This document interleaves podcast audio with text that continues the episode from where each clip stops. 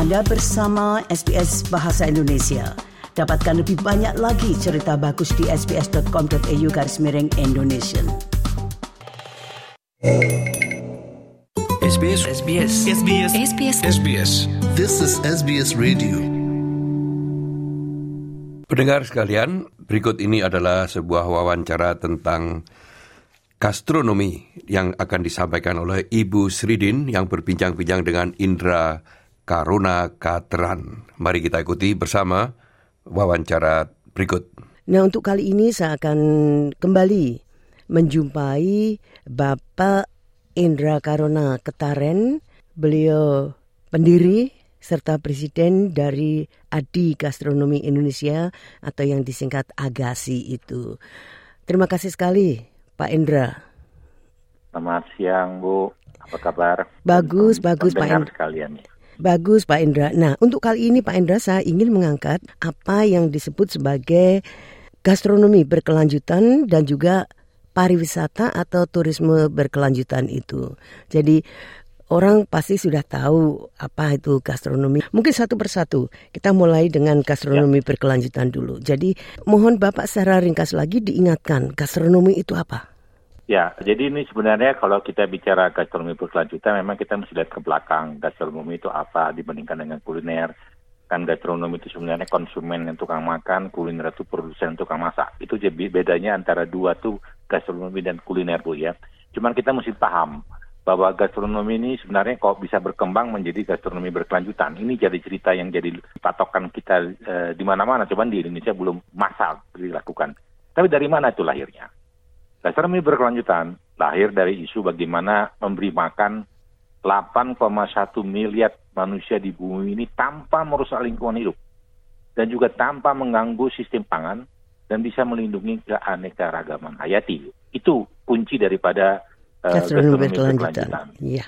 Nah, Bapak kalau kita lihat datanya misalkan itu seperti food waste atau apa ya limbah makanan itu, Ya. ini kan wah kalau seluruh dunia itu mungkin sepertiga dari makanan atau ya katakanlah makanan kan itu baik yang dimasak maupun yang tidak dimasak itu akhirnya dibuang. Nah, Indonesia sendiri pun juga tidak bagus kan itu prestasinya. Kalau tidak salah eh, nomor dua yang paling banyak membuang makanan ibaratnya. Jadi bagaimana itu mengatasi semuanya itu? Jadi begini Bu, sebenarnya kalau kita pahami, sebenarnya uh, limbah makanan atau limbah pangan ya, eh, limbah makanan itu produk daripada yang dibuat menjadi makanan. Limbah pangan itu adalah dari Semua. pertanian. Iya. ya Bu ya dari pertanian dan sebagainya. Nah itu menyumbang cukup besar terhadap emisi gas rumah kaca di global ini, di bumi bumi ini. Ya. Nah, kita tuh menduduki peringkat keempat sekarang nih Bu, setelah Cina, India dan Nigeria dalam arti food loss dan food waste. Tuh, Bu. Jadi ini yang jadi concern bagi saya. Kenapa? Karena produk limbah yang ini menyumbang hampir 6,8 persen terhadap emisi gas rumah kaca. Kita aja Indonesia menempati porsi 30 persen dari jumlah total sampah organik dan uh, anorganik yang ada di supply chain. Ini yang membuat concern pada kita dan ini disadari tapi belum ditindaki secara uh, teknis aplikasinya. Itu Bu kira-kira. Nah, sekarang Bapak itu tadi limbah pangan dan limbah makanan itu itu sebetulnya kalau kita cermati ini kan mungkin karena pengelolaannya toh itu kebanyakannya Iya, Terjadinya itu. belum belum mak- maksimal di kita Bu ya. Walaupun sebenarnya kita sudah melakukan ini berbagai cara. Indonesia juga sudah berusaha, pemerintah juga ada berusaha, tapi ini kira-kira ini belum ada kesadaran yang total totalitas daripada kita semuanya. Termasuk sebenarnya pengusaha juga sudah, tapi tidak bisa ini dilakukan. Kita sudah melakukan yang kebun organik, kebun greenhouse, kemudian kita buat vertical farm, kemudian kita buat kebun organik, tapi sebenarnya itu tidak maksimal ke depan ini kita mesti memikirkan dulu lebih jauh. Umpamanya kayak limbah uh, makanan itu bu ya, uh, organik itu. Itu berbagai hal bisa dilakukan di situ, yaitu waste to energy, waste to electricity, waste to protein meal dan sebagainya. Tapi ini belum berkembang. Saya sendiri menghadapi di lapangan bagaimana soal uh, pengusaha kita menghadapi soal limbah makanan ini untuk jadi waste to energy, jadi electricity dan protein meal. Ini adalah prospek kita untuk bisa mengatasi masalah limbah makanan dan food loss atau food waste dalam arti mengganggu emisi gas rumah kaca, Bu. Bapak, itu sebetulnya Indonesia kan juga sudah menandatangani atau setuju kan untuk zero emission itu untuk 2050. Nah, ini berarti salah satunya yaitu adalah merapihkan limbah pangan dan limbah makanan itu. Nah, untuk semuanya itu dapat ditangani dengan baik, tentunya diperlukan apa yang disebut sebagai teknologi yang memadai, yang cocok kalau soal teknologi kita nggak usah khawatir bu, banyak negara lain yang bisa menyediakannya. Umpamanya di Eropa, Cina, Jepang banyak bisa menyediakan. Masalahnya juga ini adalah kenapa yang hukumnya nggak jelas. Pembiayaan banyak bu yang bisa disediakan oleh pihak luar kepada Indonesia. Karena ini memang green project, blue project atau renewable energy itu menjadi jadi patokan utama negara-negara barat untuk bisa menuju kepada zero emission itu. Dan sampai PBB juga sudah concern terhadap hal tersebut. Umpamanya jelas saja lah Bu, umpamanya polusi Jakarta sekarang menduduki tempat kedua nomor dunia Bu. Kita itu polutan Bu udara kita. Nah, kemarin saya dengar ada pemerintah pengen supaya menutup PLTU yang ada di Indonesia ini dan memerlukan biaya berapa 100 miliar dolar atau berapa gitu ya. Itu kan buang-buang gitu ya. Kenapa PLTU yang sudah ada itu kita tambahkan scrubber di situ, alat untuk menyaring si polusi udara itu. Teknologinya ada, pembiayanya ada. Masalah cuma satu bu di negeri ini masalah limbah makanan atau masalah limbah sampah ini dan sebagainya payung hukumnya nggak jelas bu. Kita nggak ada patokan orang swasta untuk bisa pegangan bagaimana menjalankan atau menginvestasi di dalam limbah ini karena payung hukumnya nggak jelas. Bapak kalau tadi Bapak menyinggung tentang limbah sampah misalnya. Nah, limbah sampah itu kan wah e, kesadaran itu sebetulnya sudah ada kan? Karena saya sering mendengar itu oh di sana ada apakah itu NGO atau organisasi apa yang berusaha untuk mengurangi sampah atau memanfaatkan sampah. Nah, jadi sekarang walaupun payung hukumnya itu tidak ada, tapi kalau ada kemauan jika pemerintah tidak dapat memprakarsai ibaratnya itu kan masyarakat madani dapat menjadi itu apa namanya ujung tombaknya kan Ya, itu betul Bu. Sebenarnya itu sudah dilakukan oleh berbagai organisasi NGO atau LSM dan sebagainya. Banyak, tapi kecil-kecilan. Kenapa? Karena mereka swasembada biaya sendiri ataupun bantuan dari luar tapi tidak bisa maksimal. Yang saya maksudkan itu, kalau kita memanfaatkan pengolahan sampah makanan atau non makanan tersebut, kita mesti punya payung hukum yang jelas sehingga orang kalau masuk ke dunia usaha itu bisa tahu apa yang mesti dilakukan. Memang ada payung hukumnya Pak Peraturan Presiden nomor 35 tapi tidak menyeluruh secara lengkap untuk recycling. Umpamanya gini Bu ya, saya katakan Bu ya. Sekarang ini persoalan limbah makanan untuk menjadi waste energy, waste to electricity, waste to protein meal, atau waste to fertilizer, atau pupuk sebagainya. Itu patokannya government to private. Jadi pemerintah ada di situ membiayain untuk private. Itu yang susah. Kenapa? Biaya ini kalau pemerintah mengganggu APBD atau APBN mereka. Makanya saya anjurkan kepada menteri kemarin, udahlah janganlah pakai G2P, kita mainnya private to private aja. Gubernur Jakarta juga menyarankan, kami nggak sanggup kalau G2P. Government to private kami nggak sanggup. Kalau private to private kami sanggup, biarlah itu bank yang akan biayain mereka dan olahlah itu sampah. Kenapa Pak? Sampah di Jakarta ini sudah tingginya kayak gedung tuh 16 tingkat tuh. Luar biasa baunya. Di TPA itu mengganggu persekitaran. Waduh luar biasa Bu. Dan ini banyak gagal. Dia swastanya mau masuk tapi payung hukumnya nggak jelas siapa yang membiayai untuk processing fee-nya atau kita bilang tipping fee-nya siapa? Kalau pemerintah pemerintah sendiri komplain karena nggak sanggup APBD mereka terganggu. Nah akibatnya limbah makanan itu terus yang bergerak bu ya. Tapi kalangan-kalangan kecil, NGO, LSM, masyarakat kecil lakukan banyak apa? Industri maggot. Bu. Ibu tahu maggot kan, black soldier flyer itu. Black soldier flyer itu membuat satu larva dari limbah uh, sampah makanan kemudian dijadikan protein meal untuk hmm. makanan ternak atau makanan manusia di Eropa jadi makanan manusia tuh maggot itu bu yeah. untuk jadi keripik dan sebagainya kita ada tapi nggak maksimal bu. itu ceritanya. Nah jadi bapak kalau memang pemerintah itu seolah-olah tidak berdaya itu itu satu hmm. jadi berarti leadership atau kepemimpinan itu harus diambil oleh swasta jadi dan apabila itu seperti Bapak katakan itu dapat dijadikan apa saja yang tentunya nantinya akan mendatangkan keuntungan, mengapa para pihak swasta tidak mau bergerak, Bapak. Itu satu. Ya, ini masalahnya kita juga pengennya swasta ambil alih, Bu. Tapi masalahnya lokasi sampah itu milik pemerintah daerah. Kita nggak bisa buat apa-apa di situ. Bu. Ya, itu milik pemerintah daerah. Jadi mereka punya kuasa terhadap lokasi tersebut. Jadi kalau kita mau masuk di situ, kita mesti kerjasama dengan pemerintah daerah. Tapi pembiayaan operating cost-nya dari mereka. Ini yang memberatkan mereka. Berat, Bu.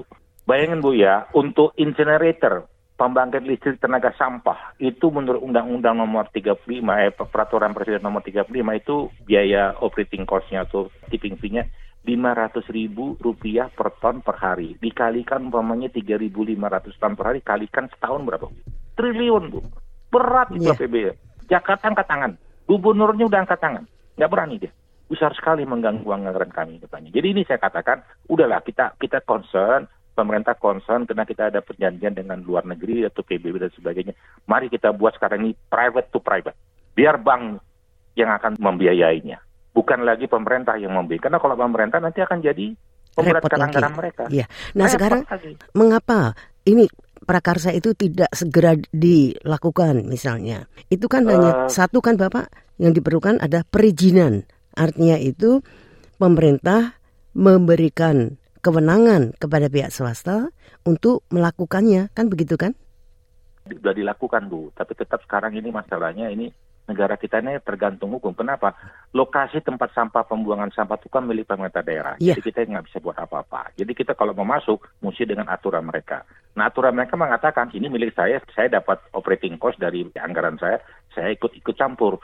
Nah ikut campurnya itu mengganggu daripada operating daripada pengelolaan itu bu. Kenapa? Mengganggu bu. Bapak, inilah yang saya maksudkan karena memang bagi saya orang awam itu kan sebetulnya sederhana saja. Artinya Iya. kalau pihak pemerintah daerah yang sebagai pihak bertanggung jawab dan pihak yang mempunyai akses terhadap tempat sampah itu TPA TPA itu, tapi nyatanya TPA TPA itu tidak dapat dikelola dengan baik sehingga public interest atau public safety itu terganggu ya kalau bau dan sebagainya dan itu kalau sampah terlalu banyak kan dapat menghasilkan ini kan gas metana itu. Nah, itu kan tidak bagus juga.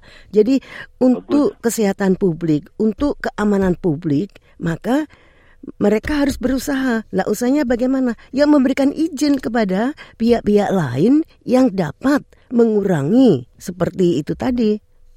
Memang sebenarnya eh, Presiden sendiri sudah sangat concern. Bu. Malah beliau istilahnya kalau kita katakan quote unquote tangannya udah gatal. Ini kok begini-gini aja. Hampir 10 tahun saya jadi penguasa tapi kok ini nggak jalan-jalan gitu. Nah, mengapa tidak segera diambil tindakan? birokrasi.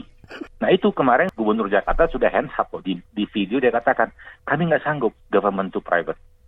Kami nggak sanggup menyediakan anggaran dari anggaran kami, APBD kami. Kalau bisa ini private to private aja lah. Nah kalau private to private, perlu ada undang-undang yang mengatakan, hey limbah makanan, limbah Bisa non makanan harus dilakukan dengan private to private, yaitu disediakan oleh bank-bank BUMN atau apa aja untuk menyediakan operating cost-nya. Karena investor tuh banyak tapi gagal semua. Bu. Banyak. Ya, Bapak jika demikian itu katanya Indonesia itu negara negara berbasis hukum.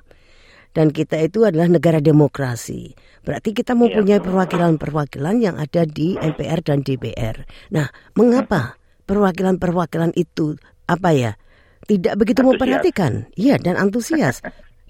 Iya, ini saya sarankan Bu, saya sampai kirim surat, kirim kepada mereka. Ini caranya begini loh. Malah ini bulan September nanti pertengahan ada ada, ada satu acara pertemuan sangat besar untuk menangani masalah regulasi ini bagaimana sebenarnya. Regulasi masalah limbah makanan dan non makanan ini gimana sebenarnya mesti kita lakukan. Saya udah kasih malu. Saya kasih masukan ini begini begini gini. Kenapa? Karena saya tukang biayain Bu. Jadi saya ini sebenarnya gastronomi tapi saya membiayain.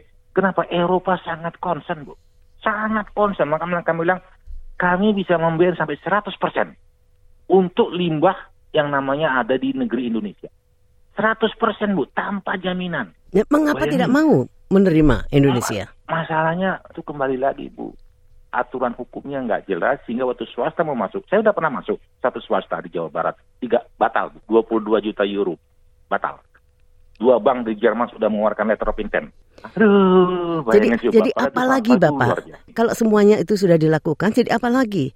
Jadi Pada- saya kemarin saya sudah sampaikan kepada yang berkuasa untuk 2024 nanti kalau Anda berkuasa saya katakan bahwa soal masalah renewable energy limbah sampah dan makanan dan makanan ini kalau bisa satu menteri lah. Jangan dengan dirjen saja, nggak cukup. Satu menteri dan dia punya otoritas yang besar untuk itu dan itu harus ada BUMN-nya. Seperti jalan tol. Jalan tol itu jelas, Bu. Peraturannya, undang-undangnya jelas. Sehingga orang masuk di jalan tol itu untuk investasi. Kalau ini nggak jelas. Itu yang saya katakan, buatlah. Kenapa? Karena 2050 ini dekat, saya bilang. Nggak akan lama lagi. Mohon maaf, saya katakan. Ini mudah-mudahan orang nggak terlalu marah sama saya. Sustainable Development Goal (SDG) yang dicantumkan dua tahun 2016 oleh PBB itu menjadi stempel negara Barat untuk kita kita ini negara-negara lain. Kalau nggak ada SDG, kamu nggak ada report, nggak ada sertifikat, no way to business with us. Nah ini jadi stempel bagi negara Barat untuk juga memberikan bantuan. Bu. Kenapa nggak kita ambil gitu loh? Nah ini masalah saya serius. Presidennya udah istilahnya tangannya udah gatal. Iya. Kenapa nggak jalan-jalan ya katanya di bawah ini? Gitu. Bapak, di Indonesia peraturan itu kan banyak dikeluarkan oleh masing-masing kan, artinya masing-masing Iya. tingkatan pemerintah. Jadi misalnya, seandainya katakanlah Pemda Jawa Barat misalnya atau Pemda Kabupaten itu yang di mana TPA itu berada.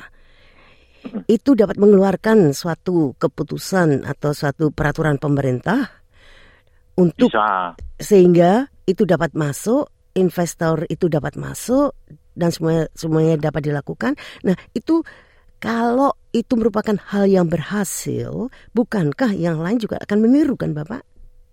Iya, itu udah, udah udah udah saya sarankan harus ada satu payung hukum yang jelas dari pusat ataupun dari daerah untuk kita menjamin kepastian kita invest tuh kita mau. Orang Barat tuh menyediakan kok sampai 100%, kenapa nggak bisa gitu ya. Masalahnya ini sekarang kemauan tuh ada nggak? Karena saya katakan bahwa nggak tahu nih eh, statementnya Pak Gubernur Jakarta ini bisa di bisa di follow up kan dengan satu ketentuan hukum di daerah bahwa oke lah ini private to private nanti umpamanya Bank DKI yang akan menyediakan pembiayaannya, yuk pinjam aja dari Bank DKI, nanti yuk kembaliin. Kenapa? Off-take daripada limbah ini Bu ya, itu kan banyak yang beli. Iya, iya. Industri semen, industri macam itu beli itu Bu. Itu itu untuk mengganti bahan batu bara umpamanya. Itu Bu ya, sampah itu kalau itu ya satu ton, 35% hasil off-take-nya dibeli oleh industri semen untuk menggantikan batu bara. Bayangin kita kan bisa mengatasi masalah emisi gas rumah kaca batu bara itu dengan limbah sampah. Harganya lebih murah. Sekarang ini kalau salah saya antara 22 sampai 24 dolar per ton. Sedangkan batu bara sudah 150-an Bu per ton. Nah, Ini Bapak loh yang saya katakan banyak jalan. sebagai seseorang yang peduli mencari teman-teman atau sosok-sosok lain yang peduli dan melobi pemerintah daerah. Jadi tidak harus menunggu payung hukum dari pusat karena rupanya masih akan tersendat-sendat. Nah, seperti Nah tadi itu sep- seperti tadi Masalahnya Bapak. saya ini orangnya kurang gaul Bu, kurang banyak kenalan. Saya udah coba dengan Bapak teman-teman di yang dekat dengan kekuasaan, dengan dekat dengan elit. Ayo kita robah yuk. Kenapa kita mesti pakai duit yuk kalau kita bisa pakai duit dari luar? You invest, saya bilang. Kenapa mesti pakai duit you? Duit you pakai aja untuk bisnis utama you. Bisnis ini kan batu bara umpamanya. Tapi you pingin ada limbah sampah. Pakai duit saya Bisa aja. masukkan. Iya. Tapi akhirnya kita kementok di peraturan, Bu. Di aturan ini kita mentok. Kemarin saya, saya hubungi itu Jawa Barat. Gimana nih Pak? Saya bilang. Kok nggak jalan? Saya bilang. Sekarang proyek itu kusut, Bu. Nggak jelas. Iya. Malah Bapak, saya sudah sediain Iya. dua letter of intent dari bank di Jerman. kalau memang pemerintah daerah Jawa Barat tidak turun lagi Bapak ke kabupaten mungkin. Jadi Udah. di- mas saya udah, itu Bu. Saya udah ngomong ke mereka. Ini masalah, aduh maaf kalau saya katakan. Duit itu adalah duit rezeki bagi mereka itu aja. Nggak mau iya, hilang tapi- itu rezekinya. Ya, Wah, Bapak kalau begitu ya tidak akan menganukan masalah. Tapi kita tidak boleh menyerahkan Bapak. Jadi mungkin saya tetap- ya, mungkin saya Bapak dapat menghubungi NGO yang memang benar-benar peduli dan juga tadi beberapa eh, sosok yang yang peduli juga dan pemerintah daerah. Jadi ka- kabupaten kalau kabupatennya itu masih terlalu tinggi langsung ke bawah lagi mungkin kota mungkin ini masalahnya cuma satu aturan hukumnya yang kita kita mesti sederhanakan Bu, ya. itu yang masalah kenapa orang luar sangat ingin masuk masalah untuk nangani renewable energy waste to energy waste to electricity waste to protein meal ini mereka pengen malah enggak saya akan biarin 100% tanpa ya jaminan deh nggak usah pakai you punya jaminan cuman pakai balance sheet aja. Bayangin Bu, ini kemudahan luar biasa yang diberikan oleh pihak Eropa Barat kepada Indonesia untuk menangani masalah sampah. Itu disediain. Mungkin Malah itu bunganya juga rendah. Bapak, mungkin itu perlu sosialisasi. Jadi intinya begitu. Iya. Dan juga pendekatan mungkin kalau tidak bisa secara dinas ya secara pribadi kepada pemerintah daerah yang tidak usah terlalu tinggi lah pemerintah kota saja itu untuk mengeluarkan satu kewenangan sehingga pihak luar atau Ya, ini siapa yang bukan di daerah, Bu. Ini mesti di DPRD atau DPR. DPR, Iya, di DPR Bapak, itu kalau menunggu, maksud saya itu, kalau kita menunggu sampai dengan itu, itu kan semakin tinggi, sem- akan semakin banyak rintangannya, itu maksud saya, Bapak. Tapi kalau Iya. misalkan di daerah yang kecil itu, kemungkinannya itu dapat dilihat secara langsung, misalnya hasilnya, dan mereka yang lain itu akan segera meniru, itu maksud saya. Bapak, Iya. Eh, sepertinya kita akan berputar-putar itu. Mudah-mudahan saja usaha Pak Indra ini atau kepedulian akan penanganan limbah sampah Ya. pangan itu dapat Terima kasih, Bu. Terima kasih. Nah pendengar itulah tadi wawancara Ibu Sri dengan Indra Karona Katran mengenai gastronomi dan masalah sampah di Indonesia. Bagi Anda yang ingin mendengarkan wawancara tersebut, silakan menyimaknya di situs kami pada alamat www.sbs.com.au garis miring Indonesian.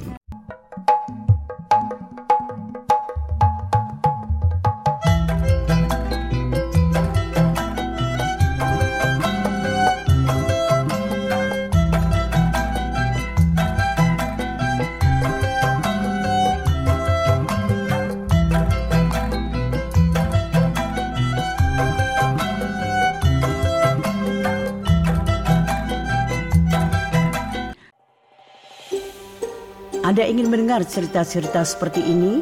Dengarkan di Apple Podcast, Google Podcast, Spotify, atau di mana pun Anda mendapatkan podcast Anda.